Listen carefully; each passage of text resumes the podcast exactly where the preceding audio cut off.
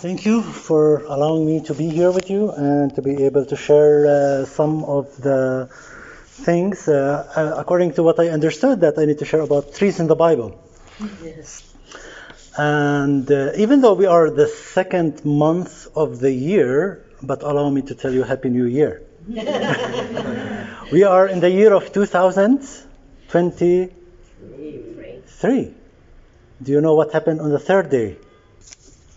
Creation. of creation. So we go back uh, and think uh, because a uh, couple couple weeks ago uh, we do have a home church and I preached uh, on the number three. It was a whole message. If you like, I can send you the podcast of it. but it is in the Arabic language. But according to Genesis 1, 11 to 13 uh, said, Then God said, Let the land produce vegetation, vegetation, seed bearing plants, and trees on the land that bear fruits with seeds in it, according to their various kinds. And it was so. When God said something, when God commands something, and that is the first living that happened. The land produced vegetation, plant bearing seeds according to their kinds, and trees bearing fruits with seeds in it according to their kinds. And God saw that it was good. And there was an evening, and that, and there was morning, the third day. So if we look at uh, this is the first uh, third day that happened in the universe that God have created the plants. When we say about plants, we're talking about all trees, uh, vegetables, everything green that you can think about that God have created on the third day. And we are 2023 so maybe it is a message for us to think about also something that's connected with three. Jonah was in the well for three days. And jesus used that and say as jonah was three days uh, that's how the son of man will be in the tomb that's why uh, also number three is uh, the resurrection uh, day because Jesus rose from the dead uh, on the third day. Going also uh, Genesis 2, uh, just to share uh, something also. And now uh, the Lord have planted in the garden in the east, the Garden of Eden, in Eden, and there He put the man He have found that created on the sixth day. The Lord God made all things of trees grow out of the ground, trees that were pleasant to the eye and good for food. In the middle of the garden were the tree of life and the tree of knowledge of good and evil. So there was two trees in the garden of Eden. The tree of life and the tree of good and evil. I don't want to go in. So yeah, uh, Genesis 2, we're talking about uh, the tree of life and according to uh, what uh, I believe, or Christians believe, that the tree of life is Jesus Christ. And we connect that, we were talking about that uh, coming in the car, and we were talking about connecting the book of Genesis with the book of Revelation, where it says that the tree of life is uh, the Lord Jesus Christ. So God have blessed us with trees. And it is a big blessing for us because without that, uh, we cannot live basically. And I would like to read for you uh, something that uh, Jesus Christ have uh, taught about uh, in using the trees as a parable. And it is uh, taken from Luke 13, 6 to 9. And uh, then it said, Then he told this parable, that's Jesus Christ. A man had a fig tree growing in his vineyard, and he went to look for fruit on it, but did not find any. So he said to the man who took care of the vineyard, For three years now I've been coming to look for fruit on this fig tree and haven't found any. Cut it down. Why should it you use up the soil? Uh, Sir, the man replied, Leave it alone for one more year, and I'll dig around it and fertilize it If it bears fruit next year, fine. If not, then cut it down.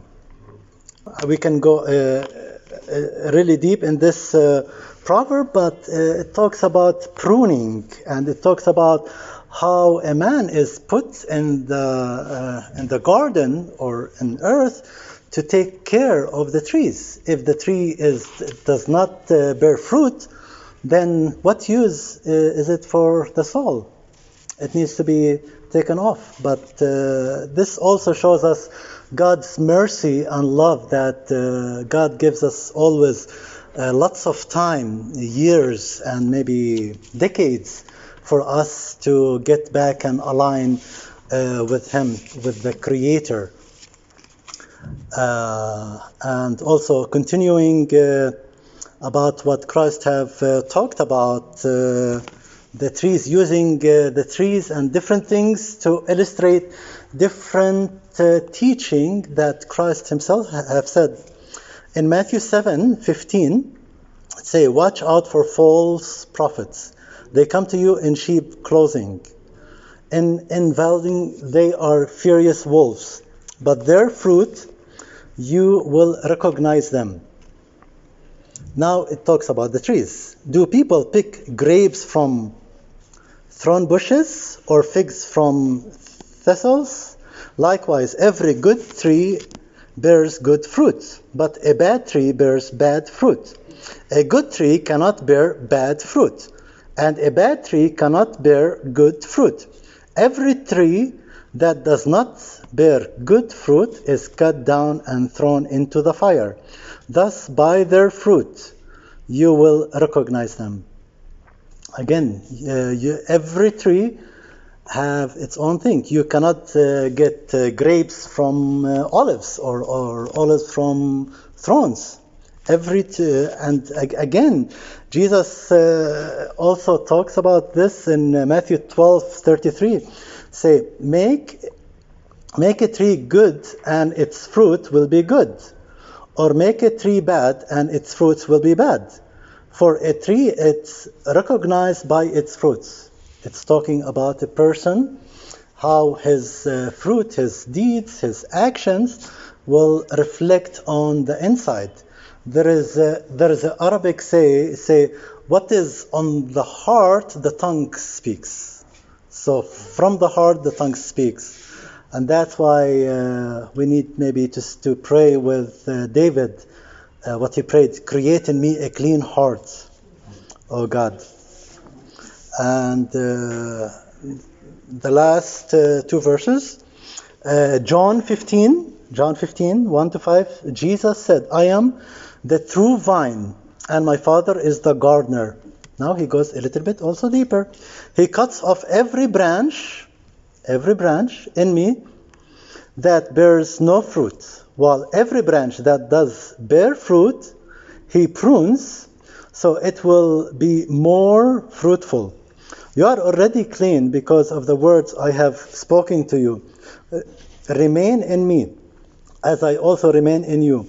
No branch can bear fruit by itself. You, you cannot have fruit without the tree itself. It must remain in the vine. Neither uh, can you bear fruit unless you remain in me. I am the vine, and you are the branches. If you remain in me, and I in you, you will bear much fruit. Apart from me, you cannot do anything. And what is the main important thing for the trees? This is a question. Yeah, water is correct, but what is more? Light. And the most important thing is light. That's why uh, I end with the verse of John 8 12. When Jesus spoke again to the people, he said, I am the light of the world. Whoever follows me will never walk in darkness, but will have the light of life. The most important is light. Without light, the plant cannot produce the chlorophyll that help it to bring the fruits. And God is the light. If we want to bear good fruits, we need to be connected to the source, to the creator, to God himself. Because if God is in us, then He will uh, come out of us through our fruits. Love. If uh, if God is not connected to us, then something else or someone else, evil, evil or Satan is connected that bring evil, destruction. And my prayer to all that let us uh, get a hold uh, closer to God because uh, God is life and through him is the light that makes us do anything that we can do in his name.